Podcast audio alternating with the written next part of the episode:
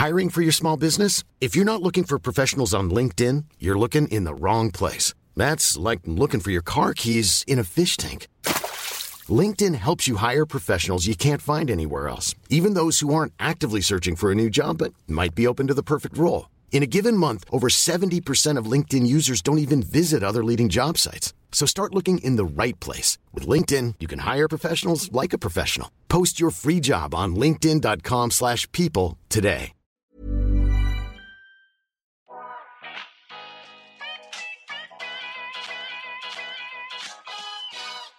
Välkommen till En timme med där jag, Sanja Tigeltia, träffar människor som inspirerar mig, som berättar om sina karriärresor, pratar självutveckling och hur de har kommit dit de är idag. I dagens avsnitt så pratar jag med Katarina Gospic hon är hjärnforskare, hon är också entreprenör, författare, gör det mesta helt enkelt. Hon är också känd i media som har diskuterat många frågor som handlar om hjärnan, hälsa men också ny teknologi. Och det vi går in på är just rädsla. Vi pratar om hur rädslorna påverkar våra beteenden och tankar, hur de kan vara ett hinder för oss i livet, i karriären men också vad det kan finnas för styrkor med rädslor. Hon ger också väldigt många konkreta tips på hur man ska handskas med oro och rädslor men också hur viktig till exempel maten är för hur vi mår, våra hjärnor mår, hur viktig sömnen är men framför allt också hur, hur viktig relationer och kärlek är för vår, vårt välmående. Sjukt intressant avsnitt. Dagens avsnitt är ett samarbete med Blocket Jobb som faktiskt är Sveriges största kommersiella jobbsajt med över 10 000 jobb där de har alla möjliga typer av tjänster runt om i hela landet. Och kanske är det så att du aktivt söker jobb eller är småsugen på att helt byta bransch. Eller bara kika runt. Då tycker jag verkligen att du ska spana in Blocket jobb. Det spelar ingen roll om du är lärare, arkitekt, om du är UX-designer. Ja, you name it. Det finns en superblandning av olika typer av jobb. Och är du osäker på hur du ska gå tillväga så finns det också en massa inspirationsartiklar på sidan. Exempelvis om hur man faktiskt tar steget för att byta jobb. Gå in och kika och bli inspirerad redan idag. Hej Katarina! Hej! Tack för att du vill gästa. Ja men tack själv, kul att vara här. Det känns som jag har känt dig forever and ever. Vi, ja, eller Vi bara babblar på sen liksom första stund här. Precis. Eh, jag är så nyfiken. Man har ju en bild av vem du är och man mm. har hört dig och sett dig i media och sådär. Men jag vill höra med dina ord. Vem är du Katarina och what keeps you going? Jag är en nyfiken person som tycker om att lära mig i stort sett allt. Mm. Väldigt eh, frågvis, vetgirig. Eh, om du har sett eh, första Harry Potter-filmen så sitter de ju där i klassrummet och hon, vad heter hon, Her Hermione? Her Hermione. Her Hermione. Eh, så sitter de där så bara räcker hon upp handen och bara ja, ja, ja, ja, ja, ja. Så, här, så bara tittar de så här, finns någon annan som kan svara?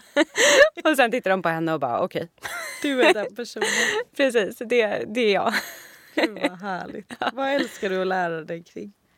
Ja, men det mesta skulle jag säga. Men eh, det som alltid har legat närmast om hjärtat är ju människan, kroppen, hjärnan, varför vi beter oss så som vi gör.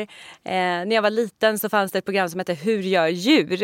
Eh, på söndagsöppet och då fick man alltid se så här små roliga sekvenser eh, kring olika djur och sen så pausade de och ställde en fråga och då fick man liksom gissa så här, hur tror ni att djuren gör i de här situationerna.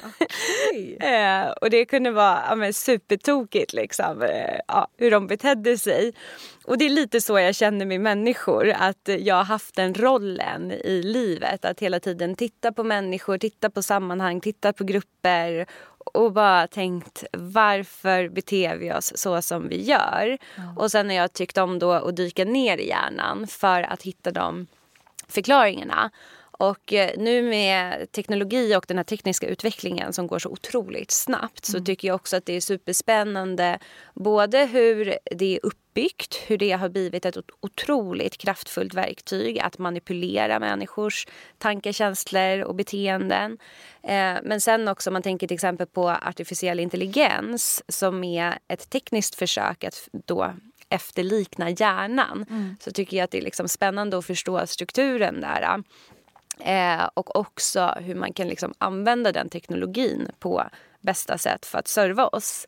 Men eh, sen om vi tittar oss runt om i världen nu, apropå teknologi, så är det ju så att tekniken i sig är ju inte ond eller god utan det är ju människan som är. Och just nu så finns det ju lite varningsklockor att det kanske går åt fel håll. Och eh, där tickar jag verkligen för att eh, människor ska lära sig hur teknologi fungerar så att vi liksom kan driva den här utvecklingen mm. åt rätt håll.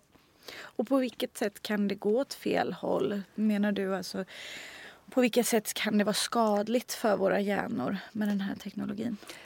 Precis, så det är på väldigt många olika nivåer. Så bara det enkla faktum att när vi är på sociala medier så matas vi ju mer och mer av det vi börjar titta på.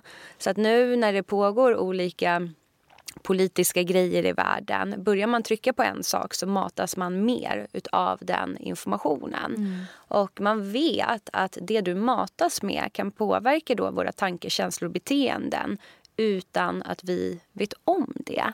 Så det är ju ett otroligt kraftfullt eh, manipuleringsverktyg helt enkelt. Mm.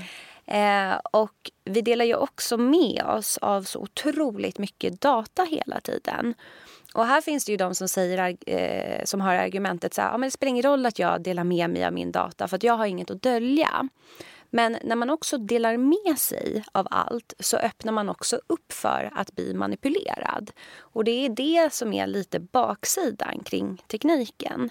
Sen har vi ju nu också sett eh, den här uh, cancelling culture. Att det har ju börjat med att okej, okay, jag gillar inte det du säger, jag gillar inte dina åsikter så då stänger jag ner dig. Mm. Men sen har vi ju också sett att man gör det med människors eh, bankkonton. Mm. Och eh, nu idag postade jag en artikel på min Instagram där Tesla, eller vad heter det, där Elon Musk hade ombetts att eh, stänga av eh, Teslorna i ett visst land. Mm. Eh, så det betyder att när vi har all teknik omkring oss och är så beroende så kan det ju helt plötsligt bli en jättekonsekvens när vi överlåter till någon annan att bestämma om din bil ska fungera eller om vi tänker på de här olika elektroniska id-handlingarna nu. Att eh, du får inte flyga eller du får inte komma in på ett sjukhus eller du kan inte få ett jobb eller vi stänger av ditt bankkonto eller vi censurerar dig på internet, tar bort din internetsida. Om du har en webbshop så kanske vi stänger ner den och så vidare och så vidare. Så att mm. helt plötsligt så försvinner ju vårt liv. Mm. Eh, och då har vi ju överlåtit det till någon annan och det går så otroligt snabbt om vi inte har den här diskussionen i samhället hur det här faktiskt ska regleras. Verkligen. Och jag vet jag och Navid pratade om det också när jag hade med honom i min podd att det är många gånger man inte heller vet hur manipulerad man blir av till exempel Instagram. Det är Eh, ja, men liksom att, om det då stämmer nu när jag har dig här, experten, att hjärnan inte vet skillnad riktigt på när det är fake eller på riktigt. Att man när man ser vissa saker, eh, även om man vet att det är retuscherat eller stageat, så kan man liksom, blir man påverkad ändå. Att hjärnan inte kan se skillnad på det. Stämmer det? Precis så är det. Eh, och det är ju just för att teknologin har blivit så bra idag. Eh, jag fick själv en film skickad till mig där eh, eh, det var ett par som stod framför Eiffeltornet och helt plötsligt så kommer en bomb och liksom allt exploderar och så vidare.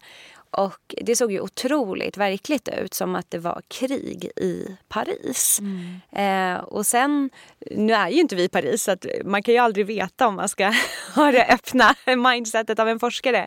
Men vi kan kanske ändå anta att det pågår inget krig där just nu. Mm. Så att eh, om vi antar att vi vet att det inte är så och ändå så ser vi den här filmen så blir det ju så tydligt att hur kan vi veta? Hur vet du det du faktiskt vet. Mm. Och om vi liksom förflyttar oss ännu längre bort Eh, apropå att man kanske känner människor som bor i Paris och så har man en liksom live-update vad som händer där.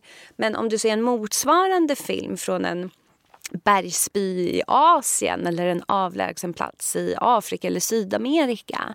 Hur ska du då veta vad som är sant? Mm. För att när du ser något som är sant så ser ju det exakt likadant ut. Mm. Och det är ju samma sak med teknologin och eh, Eh, om man har video av någon till exempel och så lägger man på artificiell intelligens på dig eller mig då kan man ju få oss att säga vad som helst. Och det ser ut som att det är vi. Det låter som att det är våra röster. Och eh, såvida man inte har eh, något superdatorprogram liksom, som kanske kan bryta ner det här eh, så blir det ju supersvårt och veta vad är på riktigt och vad är inte det. Mm. Eller en sån enkel sak att eh, du kanske är på någon basar i ett annat land och så tror du att du köper en diamant. För att det ser ut som en diamant mm. och sen kommer man med en sån här liten apparat och så ser man nej men det var ingen diamant. Och det är det här vi brottas med hela tiden.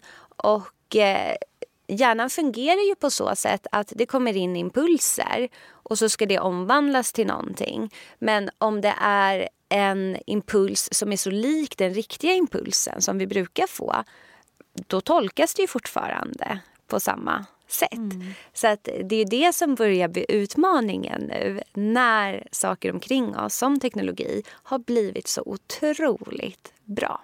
Och då påverkar den hur vi mår, liksom, vårt välmående. Absolut. Och där tänker jag att man bara kan se sig omkring. Mm. Eh, för att eh, sociala medier är ju också designade för att vi ska bli beroende, att vi ska fastna. Så att när man tror att en produkt är gratis eller en tjänst är gratis som Instagram så är det ju faktiskt du som är produkten. Mm. Och du betalar med din uppmärksamhet. Och affärsmodellen är att man tjänar pengar på din uppmärksamhet. För att du ser då annonser och då kan man försöka få dig att klicka på de här annonserna, köpa saker mm. och så vidare. Och lägga ens dyrbara tid. Precis. Det är verkligen så. Och idag så vill jag eh, prata lite om rädslor med mm. dig. Eh, och jag vet inte hur mycket vi får nämna att du är aktuell med en bok. Eh, jo, ja. Det får vi. Eh, så att, eh, nej men min senaste bok heter Digital tsunami och eh, en bok som jag skrev innan heter Orädd. Mm. Så att, den kan vi prata om för det har varit mycket rädsla nu. ja men precis. Kan vi inte lite, prata lite om, om rädsla? Varför, mm. varför har vi rädslor eller hur, hur funkar rädslor? Mm. Nej, men rädslor och känslor generellt handlar ju om att det talar om för oss att här finns det någonting som är viktigt. Och negativa känslor bär ett viktigare budskap än positiva känslor. För att de talar om för dig vem som potentiellt kan döda dig. Och den vetskapen är mycket viktigare än att veta vem du kan skratta med till exempel. Mm. Vad sjukt ändå. Ja. Lite neggigt men... ja, men det finns ju otroligt många liksom, olika sätt att känna rädslor. Det kan ju mm. vara i, i många som lyssnar på, på den här podden i form av liksom karriär och prestation och jobb. Sen finns det ju relationer eller det finns om man, om man faktiskt håller på och liksom skada sig själv och, och sådär. Eh, men kan du inte berätta lite om, om rädslan som, kring det som ligger framför en, om framtiden? Mm. Där handlar det ju om att vi är rädda för det som är ovisst. Mm. Eh, när vi inte vet vad som ska hända. Och man säger att skillnaden förenklat mellan rädsla och ångest är att rädsla är till exempel om du ser ett lejon på savannen och så kanske det börjar springa emot dig. Eh, då är det ofta så att okej, okay, där ser man lejonet och sen så kanske man springer därifrån eller så slår man ner lejonet och då har man eliminerat rädslan. Medan ångest, det är som en långvarig rädsla. Så att det är som att uppleva hotet eller att du hela tiden blir jagad av lejonet så att det försvinner aldrig. Eh, så att då pågår det över en längre tid. Mm. Och eh, när man pratar om ångest så är ju just det här att vi börjar simulera och tänka att det finns något hot. Eh, så att vi har ju någonstans också upp det i vår hjärna att att eh, vi är jagade av det här lejonet eller kan bli eller mm. så. Eller framtiden, hur ska den bli? Eller vad ska det bli av mig? Eller kommer man bli förälder? Ja, men liksom alla möjliga typer av frågor man kan ha i livet då. Precis. Mm. Så att där är det ganska intressant för att just det här med eh, rädslor och ångest handlar ju många gånger om att eh, eh, antingen tänker vi på något som har varit eller så tänker vi på framtiden. Så att det, här finns det ju också ett trick att försöka vara mycket i nuet. För att om vi tittar på världen, vad som händer just nu så är det ju lätt att börja tänka så här, herregud vad, som ska, vad kommer hända och så. Men om man försöker ta tillbaka tanken till hur är det just nu? Just nu är jag i en fantastisk poddstudio med dig. Det är mysigt. Och om jag då vilar tanken där jag är nu så blir det ju lättare att ta bort den här typen av tankar för att då blir det så konkret. Så där visar vi också att det finns en kraft i vart vi riktar vår uppmärksamhet. Mm. Och den uppmärksamheten då man riktar på nuet mm. och inte på till exempel kriget som försiggår nu eller liksom hur ska det bli med ekonomin och man kan ju grotta ner sig hur som helst. Mm. Det kan då påverka hur vi mår i stunden, visst är det så? Till Och få bort ångesten. Liksom. Ja, Eh, och det är också ofta så här eh, när man fastnar i tankar. Då är det faktiskt bra att till exempel gå ut och framförallt gå ut i naturen. För då tenderar man till att fastna mindre. Så att jag brukar tänka på när man just sitter så där och bara oroar sig att man åker runt lite som i en rondell. Mm. Eh, så man åker runt, runt, runt, runt och då är det ju såklart inte så konstigt att man inte mår så bra av det. Man kommer liksom ingen vart. Och sen är det kanske så också att man åker snabbare och snabbare och snabbare och så blir det mer och mer intensivt. Så att här är det viktigt att försöka åka ut ur rondellen. Och här är det snabbaste och enklaste tipset att bara försöka gå ut, ta en promenad eh, och framförallt i skogen eller i grönområden om man har närhet till det. För där har det visat sig faktiskt att hjärnan återhämtar sig på ett väldigt bra sätt. Okej. Finns det något mer man kan göra när man fastnar i det här liksom, rondellen eller ekorrhjulet eller man bara liksom känner att så här, nu är jag, nu är jag liksom fast i det här tankemönstret? Mm. Nej, men det är just det här med uppmärksamheten. Att Man eh, kan ju också ha en så här eh, go-to uppgift. och det kan egentligen vara allt mellan himmel och jord. Eh, ibland kan det vara enkelt om man har en fysisk uppgift. Så att om man känner så här, nu har jag fastnat och så har man sagt till sig själv, varje gång jag fastnar så ska jag göra 30 armhävningar för att det är liksom superjobbigt. Eh, och så börjar man göra det, då blir det liksom svårt att hålla den här takten på tanken som bara snurrar och snurrar. För att helt plötsligt så måste man liksom tänka på kroppen och att det börjar bli jobbigt och liksom ja. kämpa sig igenom. Eh, så det är det som är väldigt bra om man kan göra upp lite strategier för okej, okay, vart ska jag gå lite så automatiskt nästan så att det sitter i ryggmärgen för att distrahera mig. Mm. Eh, för ja, vi, hjärnan kan ju inte hålla egentligen två saker, eh, sa, alltså två tankar samtidigt utan den hoppar hela tiden. Mm. Eh, och det är också väldigt tröttsamt för hjärnan. Jag brukar tänka på det som att hoppa lite jämfota. Att eh, hoppa fram och tillbaka, fram och tillbaka, då tröttar man ju ut sig väldigt snabbt. Så att av den anledningen så är det bra att tänka på en sak i taget. Och när vi då pushar oss till någonting eh, som något som är fysiskt jobbigt eh, då måste vi till slut bara tänka på det. Eller om man har en hund eller ett barn eller springer på löparband på gymmet liksom, och ja. så trycker man upp det. Då blir det till slut att eh, man måste fokusera på, på det och ingenting annat. Det är nog ingen dum idé. Jag kommer ju ihåg faktiskt en vän som ville sluta röka några år sedan. Ja. Varje gång hon ville ta en cigg så gjorde hon tio armhävningar. Och det funkade väldigt bra för då fokuserade hon på det istället för att tänka på den här, det här suget eller sådär. Men kan det vara att man pushar undan det och att det kommer upp ändå sen. Eh, jag tänker på liksom, jag är ju lite av en grubblare och mm. jag vet att här, jag har mina små hacks där jag pushar undan det. Men då ibland kan jag vakna mitt i natten av att jag grubblar där, att det liksom vill mm. grubblas mm. över. Finns det några sådana grejer att man borde ta tag i grubblet och sen släppa det som du kan liksom tycka. Absolut. Och ibland så kan man ju också skriva ner saker. Mm. Apropå att gå och lägga sig. Eh, och eh, ja, men skriva ner så det man tänker på. Och så säger man till sig själv så här, okej okay, men nu lämnar jag det här i dagboken och så får jag plocka upp det imorgon. Mm. Men sen ibland så har man ju också, eh, låt oss säga, många människor är till exempel rädda för att hålla en presentation. Mm. Och då kan man ju ha väldigt många tankar att jag kommer dö, jag kommer kräkas, alltså alla kommer skratta åt mig och så vidare. Och där kan man ju också försöka utmana och stresstesta de här äh, tankarna som kommer upp. Och bara, okej, okay, har jag håll, hållit en presentation tidigare i livet? Ja. Dog jag? Nej. Hur många presentationer har du hållit? Ja, men jag har hållit hundra stycken. Så du har alltså inte dött på hundra gånger. men imorgon när du ska hålla den hundra första presentationen så tänker du att du kommer dö. Hur sannolikt är det? Och då kanske man ändå så här, mm, okej, okay, jag kanske inte kommer dö. Då kan man också släppa den tanken för att man har utmanat den. Samma sak då om man kommer till kräkas. Okej, okay, har du kräkts någon av de hundra gångerna? Nej, men jag mådde illa. Och bara okej, okay, men hur farligt är det att må illa? Så bara, ja men det är obehagligt. Ja, men kan man leva med det? Liksom? Så här, ja, nej, men det kanske inte är så farligt. Liksom. Hur många gånger har man inte mått illa? Och då kan man liksom utmana sina tankar på det sättet. Och om man försöker sticka hål på dem, då tenderar de ju också att försvinna lite i termer av orosmomentet. För då har man ju någonstans ändå förklarat för sig själv att eh, okej, okay, det här har inte hänt. Mm. Men sen så kan man ju också tänka så här, om man är rädd för att kräkas. Ja, om man kräks, vad spelar det för roll? Mm. Alltså man dör inte av Nej. det. Och det är lite mitt egna personliga trick. Att eh, när jag försöker tänka på saker så tänker jag så att ja, men det värsta som kan hända är att man dör, att jag dör. Eh, och om jag då stresstestar någonting och frågar mig själv så här, kommer jag dö?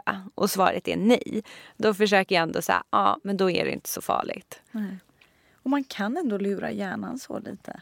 Absolut. Eh, verkligen. Jag brukar säga att eh, allt är i ditt huvud ja. någonstans. Och man kan ju också även bara tänka på det här att här sitter vi i det här rummet mm. men om jag blundar då finns ju inte du.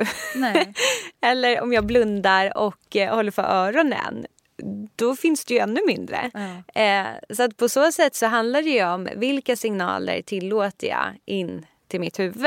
Mm. Och sen också de saker som poppar upp där inne kan man ju då försöka utmana just för att förändra eller ta bort eller överkomma. Ja, jag brukar ju säga det till, till många liksom som ber om tips. Så här, den enda motståndaren vi har egentligen är vårt eget huvud. Mm. Ibland. Det är vår värsta fiende eller vår bästa vän. Beror på hur man ser det. Eh, och, och, och där är det någonstans kan man... För, för att jag brukar liksom försöka tänka så här, men kan den personen kan jag? Eller så här, varför skulle inte jag kunna? Kan man eh, liksom peppa sig själv så pass mycket att man övervinner saker. Som man, för det är väl någonstans vårt största hinder, att man själv inte tror att man klarar det. Precis. Jag tycker det är lite kul det här det du sa där. Det känns nästan som en Balkan-grej. det är nog det. Det är min uppfostran tror jag. För när jag växte upp så har jag träffat väldigt många människor eh, som just eh, har sagt det här som du är inne på. Att man tar ner sig själv och tänker så här, oj vad dålig jag är och alla de här grejerna. Och det kanske låter konstigt men jag har aldrig tänkt så om Nej. mig själv. Jag har alltid tänkt tvärtom. Så här. Precis det du sa. Ja, det eh, kan du kan jag. och sen har jag också tänkt så här om inte jag kan, vem kan då? Exakt. och, eh, ja, men jag tycker att det är intressant ibland när olika kulturer ja. möts. Um, för att någonstans så speglar det ju eh, vad man får i sig som eh, liten. Ja. Och, och hur mycket man kan peppa igång sitt eget huvud eller sin egen liksom rädsla eller få bort eller jag tror att det ligger ju någonstans. Nej men absolut och eh, jag menar ser jag till mig själv mm. så har jag alltid peppat mig själv ja. på det sättet.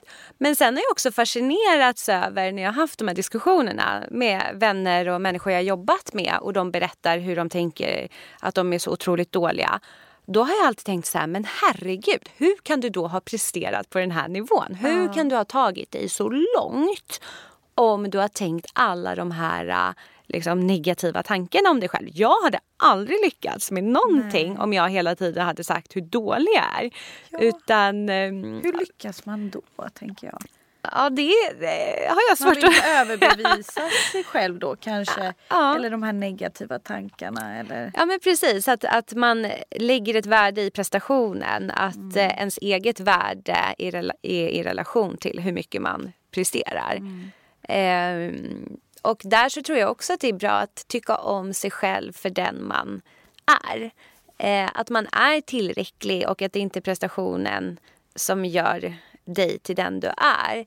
Um, och här tror jag att det är viktigt att man hittar sina egna värderingar och sin egen inre kompass. Vad är det jag står för? Vem är det jag vill vara? Och är man grundad i det så blir det ju också svårt att ehm, um, puttas omkull av andra för att man är säker med sitt syfte, med sina intentioner och så vidare. Och möts man då av kritik så kan man alltid känna sig grundad i det. Mm, mm, verkligen. Och jag vill ändå gå in lite så här, vad, hur kan man jobba på sin oro och, och rädslor på sikt. Nu har ju vi pratat om att liksom peppa sig själv i sitt eget huvud. Du har pratat om lite lifehacks och gå ut i naturen eller försöka vara i, i nuet. Men om man känner att man är en ganska rädd och orolig person på sikt. Hur kan man göra för att liksom försöka få bort det här? Mm. Och här eh, så är det ju bra med positivt handlande. Att eh, vi har ju pratat om positivt tänkande och liksom peppa sig själv. Och det är såklart superbra. Eh, men samtidigt är det ju så att jag kan ju sitta i den här fina fåtöljen och tänka så här, ah, jag är så bra, jag ska skriva liksom, högsta poäng på provet. Och så kan jag peppa mig själv. Men om jag inte pluggar så kan vi ju gissa att det kanske inte är tillräckligt ja. heller. Så där handlar det om positivt handlande. Att eh, ibland måste vi också bara börja göra saker. Och där kan det ju också vara så, om man har svårt med själva tankarna så kan det vara bra att bara börja handla. Att sätta sig med boken och sätta upp superkonkreta mål. Att eh, på en halvtimme ska jag läsa tio sidor. Eh, och så har jag många gånger gjort när jag har mål. Mm. Eh, ja, om jag skriver mina böcker då säger jag så här, ja, men nu eh, innan det här klockslaget så ska jag skriva så här många ord och eh, sen får jag gå och äta lunch. Ja, det är nog inte så dumt. Nej, och sen så kanske man börjar bli lite hungrig och inte riktigt har nått det där. Men då är det ju mycket bättre att skriva någonting. Eh, för då kan man ju alltid göra någonting med det sen mm. och bearbeta det. Och man kommer ju någonstans åtminstone när man har ord på pappret än om det bara är blankt. Mm. Så att eh, det tänker jag mycket på, liksom, positivt handlande. Och om man också känner sig väldigt överväldigad av sin omgivning och man känner att man har mycket att göra. Mm. Då kan det också vara bra att köra lite så här, tre snabba. För att ändå få en positiv belöning. Så att om man ska till exempel ja, men du vet, svara på ett mejl, ringa ett samtal, betala en räkning till exempel. Då kan det vara tre snabba. Okej, jag gör de här tre grejerna. För då känner jag ändå så att jag får ticka av något på min lista och så kanske man får lite energi med sig till de kommande uppgifterna istället för att man bara sitter där och ja, men, stirrar ner i boken eller stirrar in i datorskärmen eller vad man nu ska göra. Du har så rätt. för Det, det är också så här, det är så himla inne nu att manifesta saker. Mm. Jag vill manifesta hälsa eller jag vill manifesta lugn. Mm. Men, men du har rätt för att man kan ju inte sitta och trycka pizzor och manifesta hälsa. Så Nej. det kommer inte leda till eller ett lugn och inte göra meditationen eller checka in. Så man måste ju faktiskt göra de här bitarna. Det är ju faktiskt ganska många som missar den poängen. Ja men precis så. Och nu kanske det låter lite motsägelsefullt till det jag har sagt men Eh, man kan som sagt tänka hur många positiva tankar som helst men eh, har man inte det positiva handlandet så kommer man ju inte uppnå det resultatet man vill. Nej, så man inte liksom förväntar sig under av att bara tänka. Nej. men kan det finnas styrkor, alltså bra saker med att ha rädslor? Absolut. Och eh, där tänker jag att eh, när man blir rädd ibland så kan man ju känna väldigt mycket energi i kroppen. Och eh, man kan ju använda sin rädsla som drivkraft till någonting. Så något väldigt enkelt och konkret är ju att eh, man kanske är rädd för någonting och bara herregud hur ska det gå imorgon? Och så känner man all den här energin. Men då kanske man kan ge sig ut och springa och så kommer man springa liksom snabbare än någonsin för att man känner sig jagad av det här lejonet. Men då omvandlar man det till någonting som blir positivt. Eller om man är stressad inför en presentation och så kanske man bara Åh, jag har så mycket energi och så sitter man och läser jättemycket, kollar upp tusen olika saker. Då har man ju också omvandlat det till ett positivt handlande då. Eh, för att eh, ja, hinna göra så mycket som möjligt eh, för att sen kunna prestera. Så att det är där jag tycker att det är bra att just tänka på de här äh, konkreta handlingarna. Vad är det jag behöver göra för att nå det här målet? Mm. Och sen så handlar det ju också om att utsätta sig för det man är rädd för. Och här brukar jag tänka lite på ett hopptorn. Att eh, man kanske vill hoppa från femman men det kan ju vara bra då att börja hoppa från ettan. Och gör man det några gånger så kommer man känna så här, okay, men det här var inte så farligt. Och sen går man upp till trean och så känns det superläskigt första gångerna men så har man hoppat, hoppat, hoppat och så blir det så här, okej okay, inte så farligt. Och sen går man upp till femman och så känns det superläskigt. Men sen när man har hoppat tio gånger så är det inte lika läskigt. Och det är ju det här som är att ta liksom eh, små steg längs vägen. Just det. det, det har du så rätt i. För att det är ju så man väl bemästrar rädslor och testar att göra dem. Tills man kan få hjärnan att förstå att det var inte så farligt. Precis. Det är väl egentligen det bästa sättet skulle jag, kan man väl säga. Liksom, mm. Oavsett vad man är rädd för, att mm. bara göra det. Precis, och det är också det här som ingår om man pratar om så här, kognitiv beteendeterapi till exempel. Eh, så att då spelar det ingen roll om man är rädd för höjder eller för spindlar. Eh, då försöker man ju också ta de här små, små stegen. Mm eh, åt gången. Så att om målet är att hoppa från femman så skulle jag säga att en bra terapeut säger ju inte så här, okej okay, men gå upp och hoppa liksom. Nej, Piska på ja, dig själv. Precis. Utan man börjar från kanten, sen från simpallen, sen från ettan, sen ja. från trean, sen från femman. Eh, och samma sak med spindlar, att man kanske får titta på en bild på en spindel och sen så får man klappa en plastspindel och ah. ja, sen får man titta på en spindel eh, på tv och sen så får den vara lite långt bort i en bur och ja, ah. så flyttar man det närmare och så vidare. Baby steps ja. liksom. Ja, gud vad, vad, vad, vad, intressant. För att det är ändå någonting vi alla människor upplever hela tiden. Rädslor i alla dess former. Eh, och, och jag tycker också det är viktigt Alltså liksom med, hjärnhälsa överlag. Hur tar man hand om sin hjärna? Mm. Här brukar jag säga äta, träna, sova, kärlek och naturen. Ja. Om man ska göra det väldigt enkelt. Är maten viktig? Absolut. Jätteviktig. För hur hjärnan mår? Mm. Varför då? Förenklat så är vi vad vi äter. Eh, så jag brukar tänka på ett hus till exempel. Mm. Att eh, om du bygger ett hus av lera eller av pinnar eller av löv eller av betong eller tegelstenar så kommer det vara lite olika kvalitet på det huset och hur motståndskraftigt huset är för väder och vind. Och på samma sätt är det med kroppen. Att eh, Stoppar vi in bra grejer eh, så får vi bra förutsättningar och stoppar vi in dåliga grejer så blir det sämre. oh, Gud vad intressant. Och, och så, hur viktig är sömnen för vår hjärna? Superviktig. Eh, och eh, vi dör ju om vi inte sover. Ja. Så enkelt eh, är det. Så jag brukar alltid tänka så här eh, när folk frågar vad är viktigast och liksom. Och då tänker jag alltid så här, men prova att plocka bort den. så kommer vi upp, upptäcka väldigt snabbt. Så att plockar vi bort mat, ja då kanske vi håller oss några veckor liksom mm. om vi mm. ska slå världsrekord så. Eh, men det är ju inte så kul om vi inte har ätit. Nej. jag blir glad om, eh, om eh, ja, jag överlever till lunch varje dag. Nej jag skojar. Men eh, samma sak med sömnen. att eh, ja, Det vet ju alla liksom, som inte har sovit en natt att man fungerar inte så bra. Liksom, och sover man inte och man gör sämre val med mat. Och man... Absolut. Eh, så allt det där hänger ju ihop. Att du får sug eh, på dåliga grejer. Liksom. Men hur mycket skadar det hjärnan? Hur, mycket, hur viktig är sömnen för liksom hjärnans eh, uppbyggnad? Eller vad säger man? Mm. Eh, nej men den är superviktig. Så jag brukar tänka lite på att sömnen, det är då alla så här sopbilar kommer fram och städar i stan. Eh, så att eh, ja, när man bor i en stad och så går man och lägger sig på kvällen och så vaknar man dagen efter så ser man så här, ah, vad fint och fräscht det var på gatan. och det är för att alla sopbilar åker runt och städar då och plockar undan allt så att det ser fräscht ut.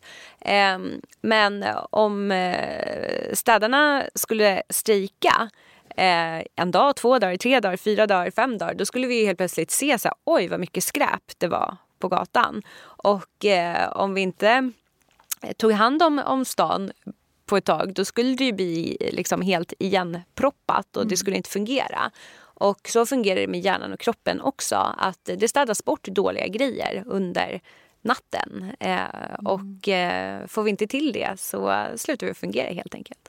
Gud vad intressant. Och du nämnde, för att det här, vissa av delarna är ju självklart, men mm. du nämner kärlek. Mm. Varför är det viktigt? Det är för att vi är sociala varelser. Eh, så att människan har ju alltid levt i grupp med andra. Och går vi tillbaka till lejonen på savannen så är det ju så att eh, ensam är inte stark utan du har bättre överlevnadsmöjligheter om du är flera personer. Mm. Och eh, det är därför vi utformade så att eh, vi behöver andra, vi behöver närhet. Och det är också ganska intressant för att när vi blir socialt exkluderade, det vill säga vi får inte vara med i en social grupp, så startar faktiskt en inflammation i både hjärnan och kroppen. Så att det är lite som att få en käftsmäll. Eh, det kan göra lika ont i hjärnan att inte få vara med som att få ett fysiskt slag.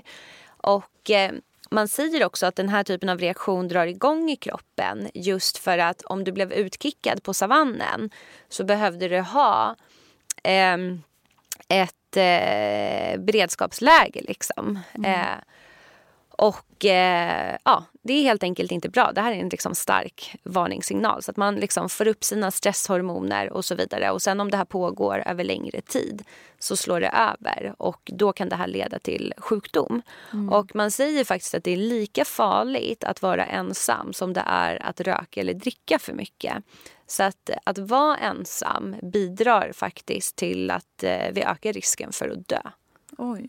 Och då, det går ju liksom i linje också då med att kanske vara rädd för att vara ensam eller mm. känna sig ensam. För det är ju inte alltid man kanske är ensam men den här känslan eller oron kring det är då alltså också lika skadlig antar jag. Absolut, och det är livsviktigt. Och det, jag tycker att det är intressant att vi inte kanske pratar om det Nej. mer eh, hur viktigt det är att vi är tillsammans. Att vi har en grupp, att vi har vänner. Eh, I Storbritannien så instiftade de faktiskt en eh, minister som skulle ha hand om det här med ensamhet just för att eh, det kom forskning. Eh, nu är det nästan eh, tio år snart, men där man såg det här och då insåg man när man gjorde undersökningar att det var väldigt många som upplevde ensamhet. Och tittar vi i Sverige så har ju vi bland den högsta andelen i världen av singelhushåll. Mm. Och lägger vi på det som har hänt i världen nu där vi har rekommenderats att inte träffa så många andra och isolera oss och hålla social distans och så, så är det väldigt dåligt för vår mentala hälsa. Och det är också en riskfaktor för psykisk ohälsa. Ja, och, och som du sa, enormt stresspåslag på kroppen. Precis. Det är ju egentligen som att, men, kan man jämföra det som att kroppen tror att den ska dö då? Eller liksom att den förbereder sig för... för... Ja men precis. Alltså, det, det, är ju som sagt att bli utskjutsad på savannen där och så blir det så här, men nu är du ensam mm.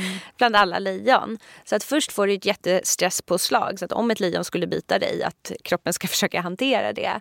Men sen när det pågår under längre tid, det är ju då det blir skadligt. Mm. Eh, och eh, ja, vi överlever liksom inte riktigt eh, ensamma, eh, i tanken i alla fall. Men då är relationer superviktiga. Är det viktigt då att det är alltså, väldigt djupa relationer eller skulle du ändå kunna säga att man ska ha bara ett socialt liv även om det är ganska ytligt socialt liv? Får man den värmen av det också eller det behovet mm. fyllt?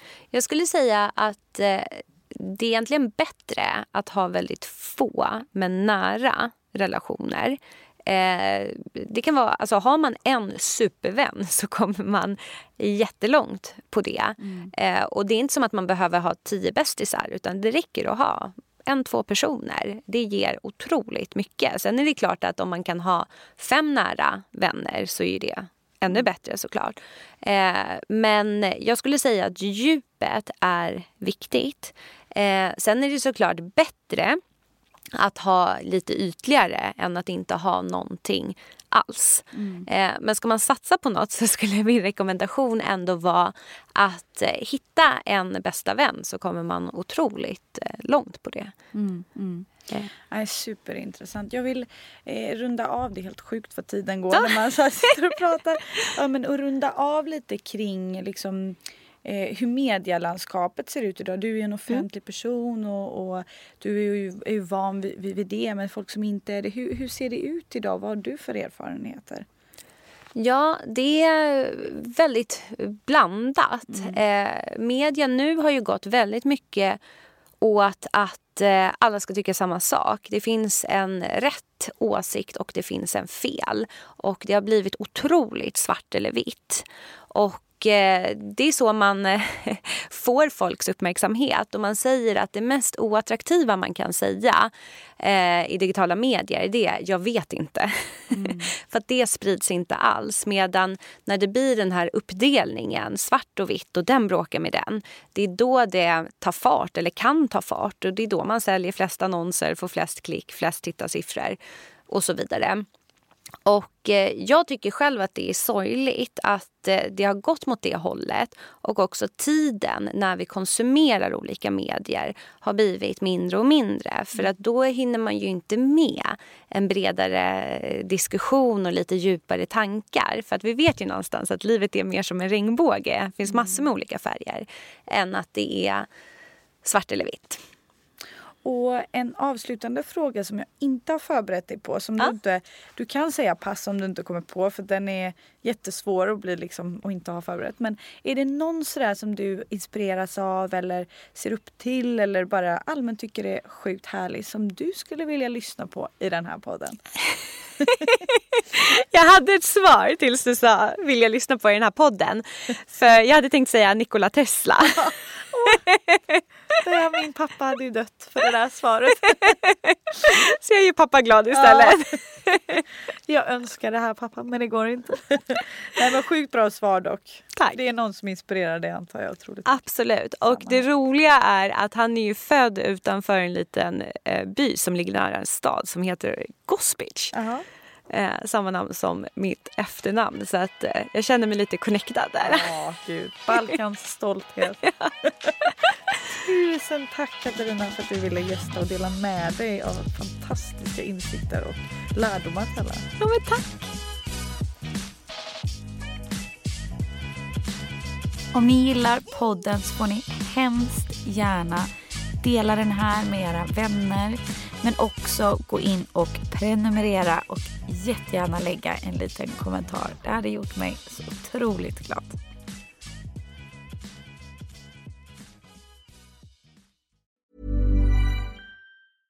Mom deserves the best and there's no better place to shop for Mother's Day than Whole Foods Market. They're your destination for unbeatable savings, from premium gifts to show-stopping flowers and irresistible desserts. Start by saving 33% with Prime on all body care and candles. Then get a 15-stem bunch of tulips for just $9.99 each with Prime. Round out Mom's menu with festive rosé, irresistible berry chantilly cake, and more special treats. Come celebrate Mother's Day at Whole Foods Market. Imagine the softest sheets you've ever felt. Now imagine them getting even softer over time. That's what you'll feel with Bowl and Branch's organic cotton sheets. In a recent customer survey, 96% replied that Bowl and Branch sheets get softer with every wash. Start getting your best night's sleep in these sheets that get softer and softer for years to come. Try their sheets with a 30-night guarantee. Plus, get 15% off your first order at bowlandbranch.com. Code BUTTERY. Exclusions apply. See site for details.